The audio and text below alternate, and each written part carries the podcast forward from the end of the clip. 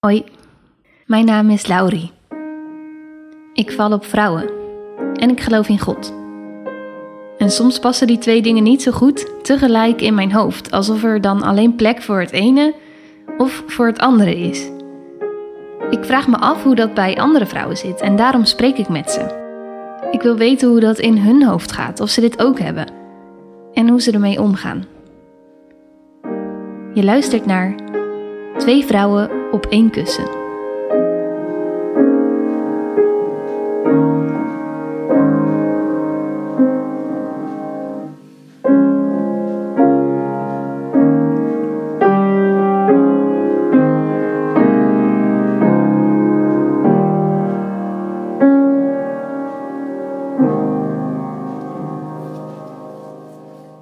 Vandaag ben ik bij Annemijn.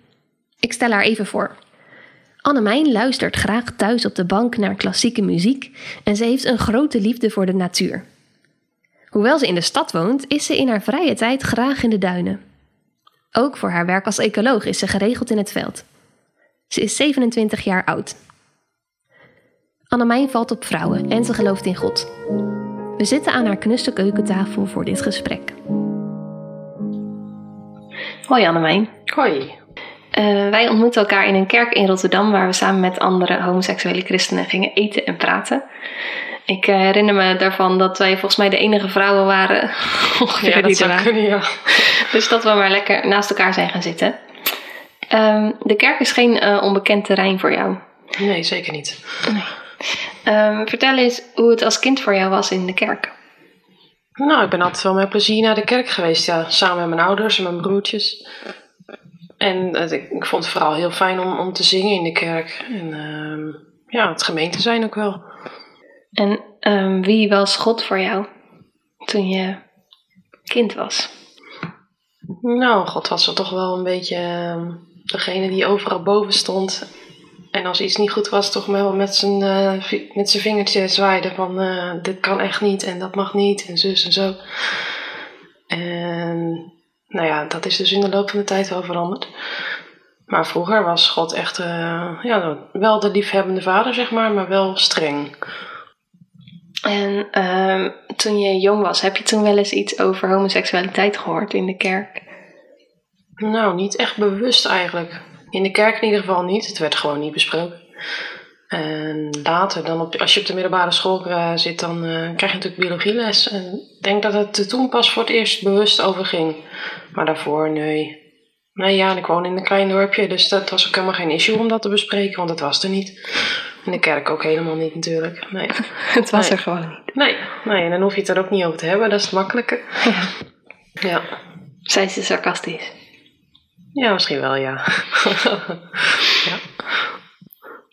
Ehm, laten we eens teruggaan naar een moment dat je wist: ik word verliefd op vrouwen. Weet je nog waar je toen was? Jazeker. Toen was ik ook in de kerk. Oh, echt? Ja, ja. Ik weet nog goed, eh, het was op een zondag waarop een, eh, een doopdienst was. En ik zat gewoon bij mijn ouders zoals gewoonlijk. En er zat een vrouw tussen die ik niet kende, die waarschijnlijk bij een van de, van de doopouders hoorde. En ik weet nog heel goed, ik, ik heb alleen maar naar haar zitten kijken tijdens de hele dienst. Ik heb er niets van meegekregen. En eh, toen dacht ik van, dit is het dus. Ja, Wat, wat, wat, wat is het? Hoe bedoel je?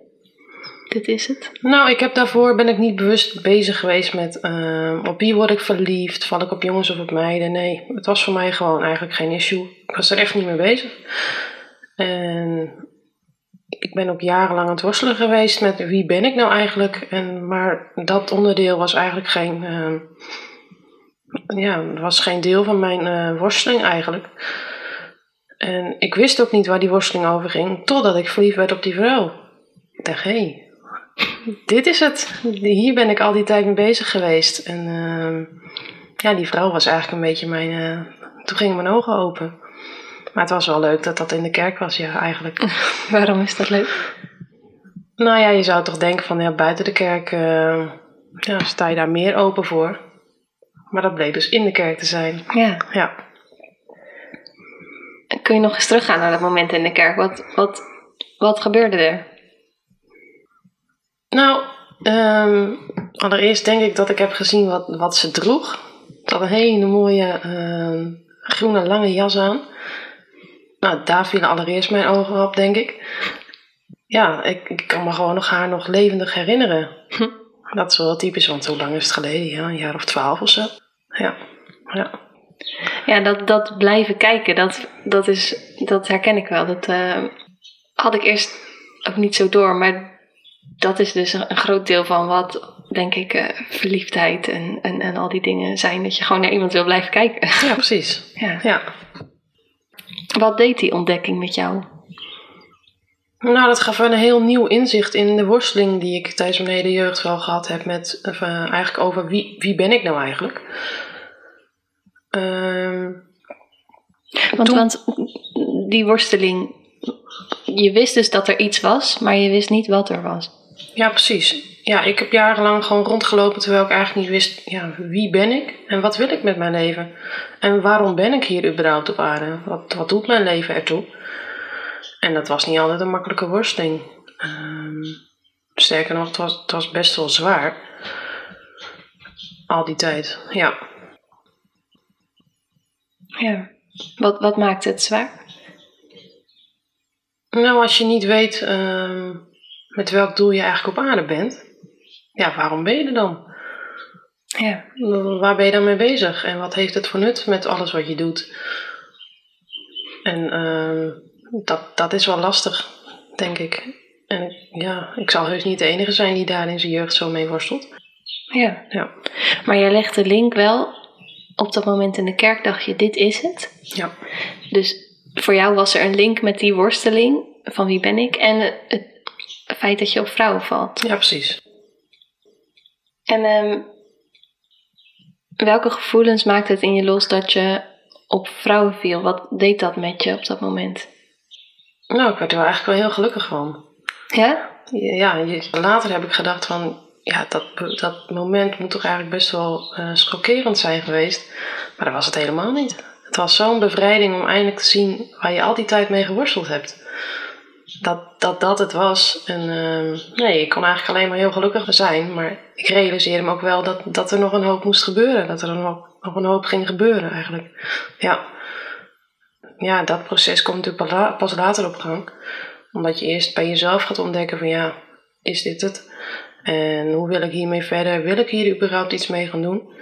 En ik heb gelukkig uh, in die tijd heel veel fijne vrienden om me heen gehad die mij altijd gesteund hebben. En mij hier ook zeker in deze zoektocht mee gesteund hebben. En dat was wel fijn, ja. ja. En dat waren ook voornamelijk vrienden eigenlijk uh, van buiten de kerk.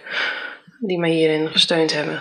Ja op een of andere manier kon ik dit toen echt nog niet delen met mensen binnen de kerk of uh, ja, binnen mijn uh, directe omgeving eigenlijk. Nee, nee? Hoe, hoe kwam dat? Nou ja, um, je zit toch altijd met het religieuze um, standpunt ertussen, hoe mensen erover denken. En um, je wordt dan wel heel voorzichtig in om ja, dit verhaal met ze te delen. Want je weet gewoon niet zo, hoe ze gaan reageren. Nee. nee. Ja, dat is het, hè? Ja. Dat je, ja, er is gewoon een grote kans op afwijzing, eigenlijk. Ja. ja. En um, je zei, ik wist dat er nog heel wat ging gebeuren. Wat bedoel je daarmee? Het uit de kast komen eigenlijk naar de, ja, vooral je familie. Mijn familie vond ik wel het, uh, het moeilijkste, ja. En het is nog steeds het moeilijkste. Mijn vrienden, ja, die, uh, nou ja, die zijn niet allemaal gelovig. En dat, ja, dat maakt het toch een stuk makkelijker. Die hebben er eigenlijk geen oordeel over. In ieder geval geen negatief oordeel. Dus daar, daar kon ik me vooral eigenlijk direct wel kwijt. Ja. In de tijd dat je erachter kwam dat je op vrouw viel, heb je dat toen ook tegen God verteld? Ja, mijn relatie met God uh, was toen niet al te best, moet ik zeggen. Sterker nog, was bijna op een nulpunt gekomen. Maar um, toen ik die ontdekking deed, moest ik ook die relatie weer opnieuw opbouwen. En God is mij wel enorm tot steun geweest. Ook al had ik daar ook wel mijn twijfels natuurlijk over. Van ja, je bent lesbisch, uh, kun je nog wel een band hebben met God? Maar ik heb destijds ook een uh, hele fijne predikant om me heen gehad die, um, nou ja, heel graag met mij het gesprek hierover aanging. En die mij ook steunde daarin. En dat heeft wel geholpen. Hij heeft mij wel dichter tot God gebracht, denk ik. En, Hoe, hoe heeft hij dat gedaan? Nou, hij ging niet zwaaien met allerlei teksten. eh, dat mag niet en zo kan het niet en dat hoort niet. Nee, hij zei ja, ehm, God is er ook voor jou. Waarom zou God jou gemaakt hebben? En ehm terwijl je eigenlijk niet, niet bij hem zou kunnen horen. Nee, dat, dat, dat ging er bij hem ook niet in. Hij zegt ja, ehm, je mag altijd tot God gaan, on- ongeacht wie je bent of hoe je bent. God is er ook voor jou. Ook jij bent naar zijn beeld geschapen. En dat was voor mij wel, ehm, wel heel fijn om te horen, moet ik zeggen. Ja, Ja, dat, die worsteling van, ja, als je dan in God gelooft en je gelooft dat Hij ons gemaakt heeft en dat, dat Hij ons ook naar zijn beeld gemaakt heeft, met een idee erbij. En dan ben je lesbisch en dan mag je daar niks mee. Dat is heel, heel moeilijk eigenlijk. ja tegenstrijdig ook eigenlijk. Ja. Ja.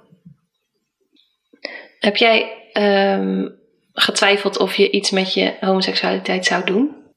Zeg maar of je er ook naar zou gaan leven, of je ook een vriendin zou willen en dat soort dingen. Nou, dat is eigenlijk geen issue geweest voor mij. Nee. Nee, ik, ik, ja, ik had wel het idee dat ik er gewoon mocht zijn. En dat, dat liefde er ook voor mij mag zijn. Dat ik niet anders ben als de rest. Ja, natuurlijk ben ik iets anders. ja, Maar ehm, wat dat betreft, nee. Nee, God heeft die liefde ook voor mij bedoeld.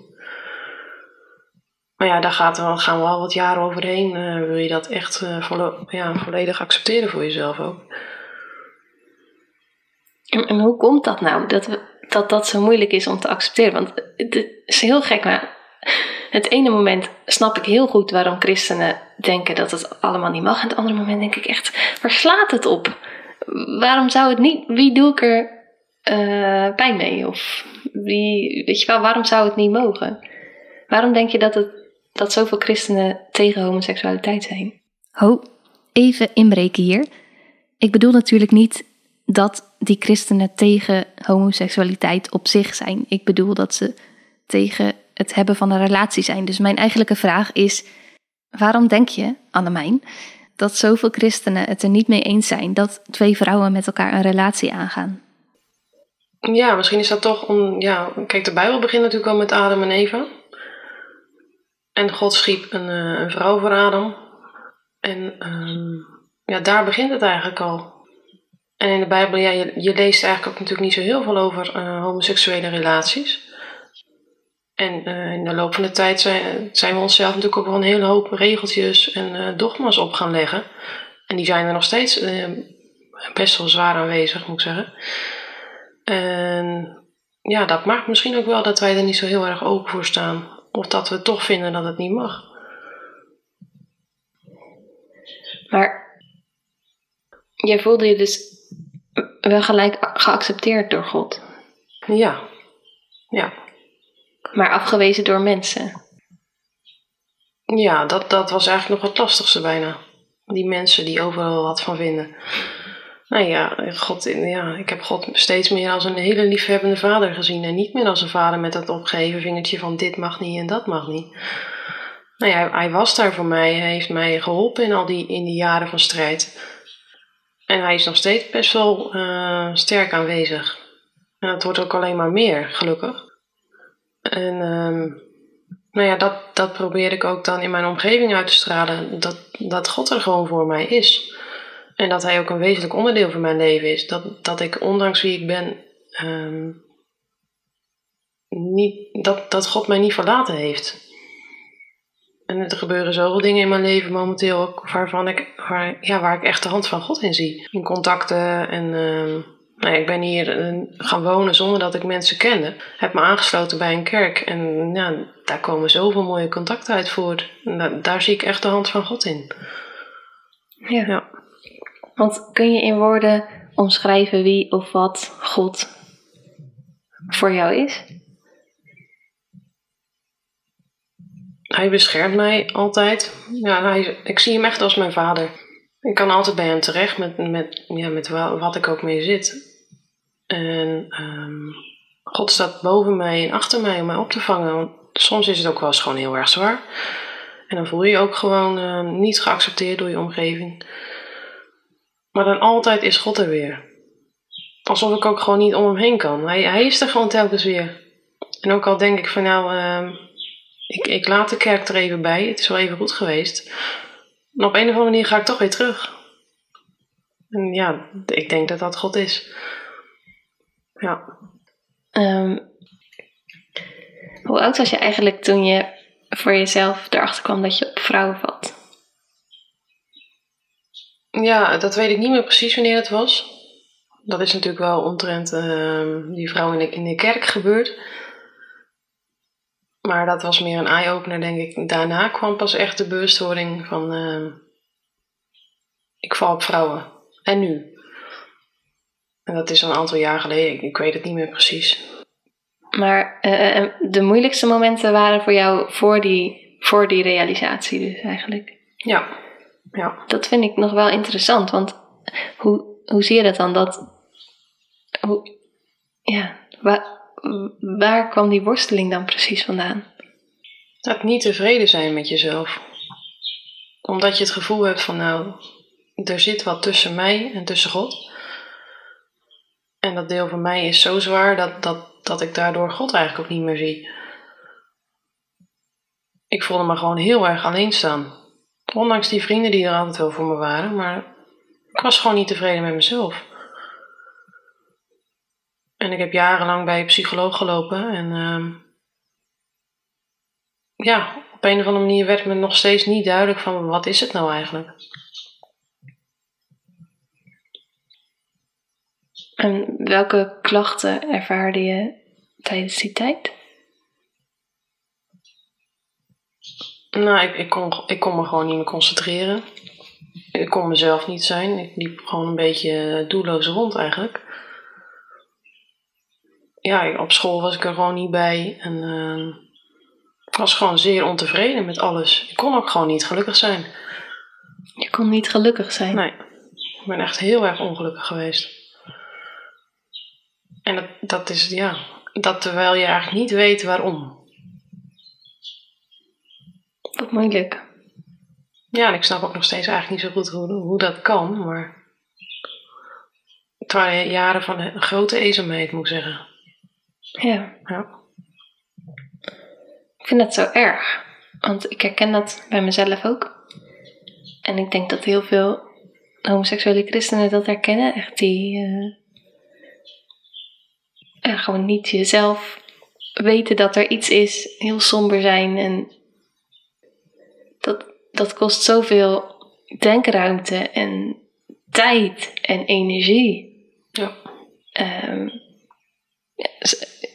zou er niet een manier zijn om dat voor de toekomstige generaties beter te maken, denk ik dan? ja, en het is natuurlijk ook een proces eh, binnen jezelf, in het ouder worden, denk ik ook. Het helemaal voorkomen, denk ik niet dat lukt. Ja, er zijn ook gewoon mensen natuurlijk die, die altijd met dingen te maken krijgen. Ja, En ik denk ook dat iedereen die homoseksueel is, daar nog een soort van strijd mee heeft. Hoe open-minded je familie ook is, hoe erg je ook opgroeit in een omgeving waar het allemaal geaccepteerd is, dan alsnog is het eh, voor mensen lastig om anders te zijn dan de norm. ja, Maar ik denk dat het binnen christelijke cultuur nog wel weer een stapje dat denk ik ook, ja. is. ja. En dat, is er, ehm, dat, dat gaat er ook niet zo snel uit, vrees ik. Nee. We kunnen alleen maar hopen dat er gewoon meer ruimte en acceptatie komt. Doordat, ja, doordat er organisaties of mensen zijn die er gewoon voor strijden. En er ook open over durven zijn. Het gesprek aan durven gaan. En ik denk alleen maar dat we daarmee verder komen. We zijn al een heel eind gekomen. Er is al een hoop gebeurd, maar ehm, we zijn ook nog lang niet. Ja, ik vind het wel bijzonder dat je zegt dat je nooit die afwijzing van God hebt ervaren. Daar zat ik nog even over na te denken. Ja. Ja. Nee, met, met de ontdekking is mijn, ja, is mijn blik weer omhoog gegaan, denk ik. Juist. Juist misschien wel, ja. Waarom denk je dat dat is? Ja, misschien wilde God mij wel laten zien dat, dat je ook anders mag zijn. En dat ik hier dus ook mee naar buiten mag komen. Dat ik niet meer altijd zo verborgen hoef te leven in angst van wat vindt men ervan. En ehm, ja, het is natuurlijk ook nooit positief om daaruit te leven, denk ik. En nu mag ik gewoon zijn wie ik ben. Kijk, ik hoef het niet van de daken te schreeuwen of zo, dat doe ik ook echt niet. Ik laat mensen eerst zien wie ik ben en pas later ehm, dat ik dus ook homoseksueel ben. En ik hoop dat mensen daardoor uh, ook anders gaan denken. Om ook gewoon in te zien, ja, het zijn ook maar mensen.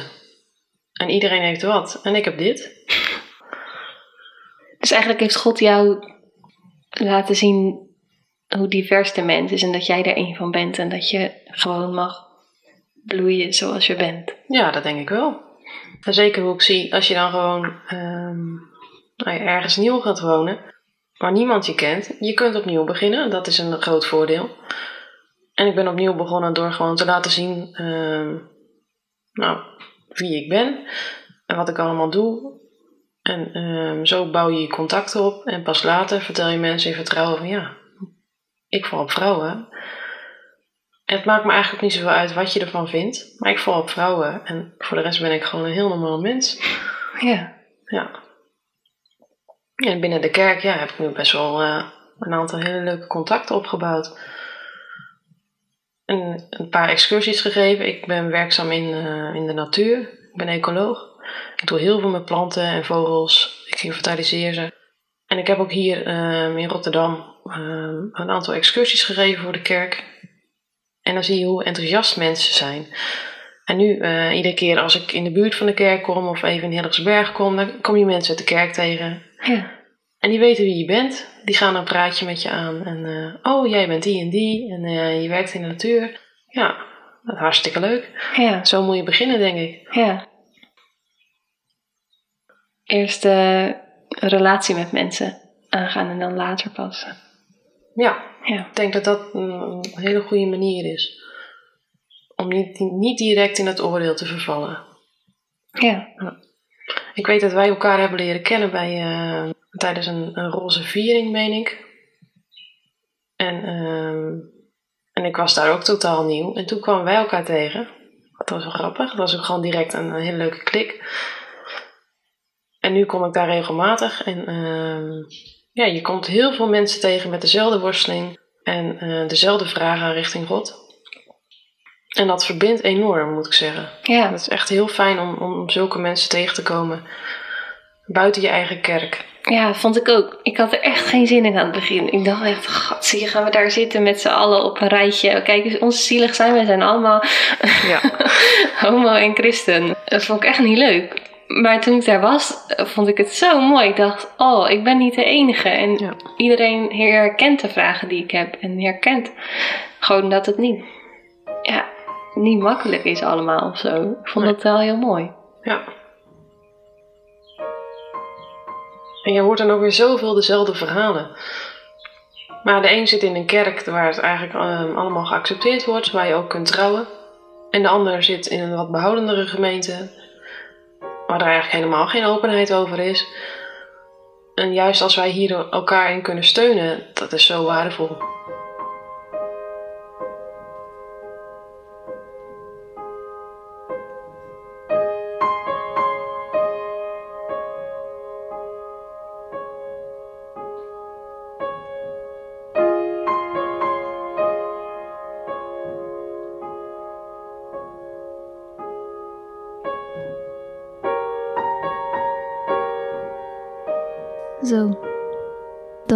Tijd voor mijn dwaze idee.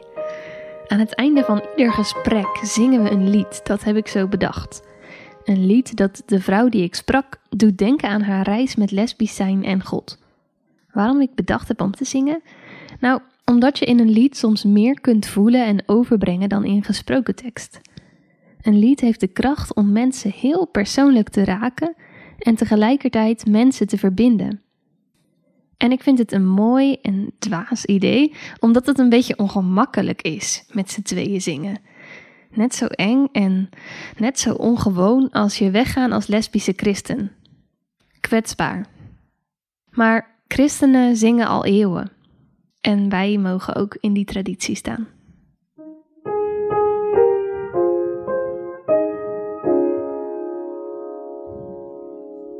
Welk lied heb jij gekozen? Ik heb gekozen voor een psalm. Nou, ik ben heel erg opgegroeid met de psalmen, dus die zijn bij mij best wel eigen. Ehm, ik heb gekozen voor psalm 139. En dan wel uit de nieuwe vertaling. Oké, dan gaan we die zingen. Jij mag uh, inzetten, dan uh, volg ik. Yes. Heer die mij ziet zoals ik ben, dieper dan ik mijzelf ooit ken. Kent gij mij, gij weet waar ik ga. Gij volgt mij waar ik zit of sta. Wat mij ten diepste houdt bewogen, ligt alles open voor uw ogen. Mooi. Een hele mooie psalm, ja. Waarom heb je deze gekozen? Nou ja, hier, hier hoor je geen oordeel in.